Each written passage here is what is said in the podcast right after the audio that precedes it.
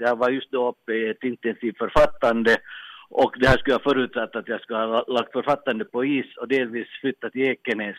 Och det skulle varit en jättestor omställning. Så att uh, det att konstsamfundet var helt omedgörliga att torpedera hela projektet uh, Eh, tycker jag är skandalöst och jag tycker att det finns inget försvar för det. Men så där personligen den där kvällen när eh, allt hade runnit ut i sanden så hade, kände jag nog också en lättnad. Men det berodde alltså bara på att jag då hade så mycket andra projekt och annat på gång.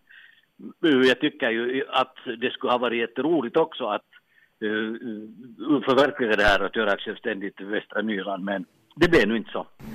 Egentligen var det så att, att vi samlades en, en, större grupp som var liksom oroade för det där när vi visste att Västra Nyland skulle gå ner till, till, till två dagar och vi, vi, vi liksom trodde inte riktigt på det där att en tidning kan överleva med, med, med två dagar för, för det där. Dels ja, nyheter är nyheter liksom ganska kort tid och sen ännu till det där att hålla reda på och, och liksom ha den där vad ska vi säga, kraften på det sättet. Så, så det, det, det samlades och vi hade flera träffar före den här också med, med olika människor, också företagsvärlden och, och, och, och, och sakkunniga inom medievärlden och andra.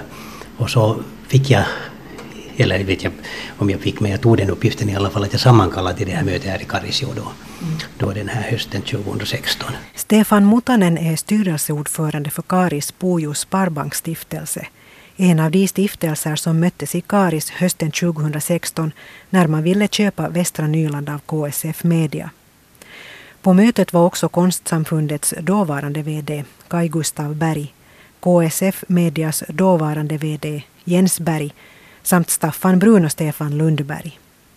Sparbanksstiftelserna hade samlat ihop en miljon euro och det fanns förutsättningar att få nästan lika mycket från näringslivet.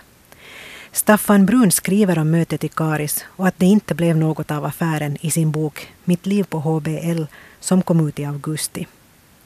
Brun var journalist på Huvudstadsbladet där Stefan Lundberg fortfarande jobbar. Stefan Mutanen trodde att det skulle gå att få igenom ett köp av Västra Nyland. No, klart, vi hade ju samlat in mycket pengar naturligtvis. Och vi, vi pratade om att vi hade då vid det skedet en miljon på bordet och vi hade väl möjligheter till mera också. Så tänkte jag att pengar brukar ha betydelse i sådana här sammanhang. Ja det, men vi hade, vi hade nog flera spår och, och flera tankar kring det, men det här var nog en tanke som, som, som vi här då ville avstämma. Vad hade du och Stefan Lundberg kunnat gjort med Västra Nyland om det hade blivit så? No, alltså, idén här var ju då att, att uh, det skulle den här kopplingen till konstsamfundet skulle upphöra, att Västra Nyland åter skulle bli en självständig tidning. Och då, de som tog kontakt med oss sa att det behövs en ny start eftersom ju Västra Nyland hade kört till botten, precis som Konstsamfundets alla andra tidningar, så uh, krävdes det någonting nytt och då tyckte man att radioprofilerna Stefan och Staffan skulle ha suttit jättebra, det skulle ha varit affischnamn och vi skulle ha varit med uh, till en början, ett år, kanske två år och dra igång det hela, se till att det fungerar och sen skulle vi då ha, ha hoppats att det går av egen kraft. Det var alltså inte meningen att vi skulle ha suttit här på livstid. Men uh, innehållsmässigt så, det var vi, vi hade ju inte egentligen planerat så mycket för att det här torpederades ganska snabbt av konstsamfundet, men det hade vi sagt i våra preliminära samtal, vi hade ju suttit med, med några av de här uh, förgrundsfigurerna som kontaktade oss, och då hade vi ju sagt att det som konstsamfundet har gjort, uh, det vill säga blanda ihop riks och lokaltidningar, var totalt fel väg. Lokaltidningar ska vara lokala och de ska innehålla nyheter de åländska tidningarna, där lyckas man ju faktiskt upprätthålla två tidningar som utkommer fem och sex dagar i veckan och båda går med vinst för att båda är fundamentalt uh, lokala. De satt, skriver inte om annat än Åland.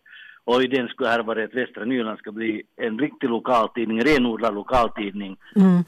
I boken då Mitt liv på HBL så skriver de om två miljoner euro som skulle ha funnits i potten. Vad skulle man ha kunnat gjort med de här två miljonerna?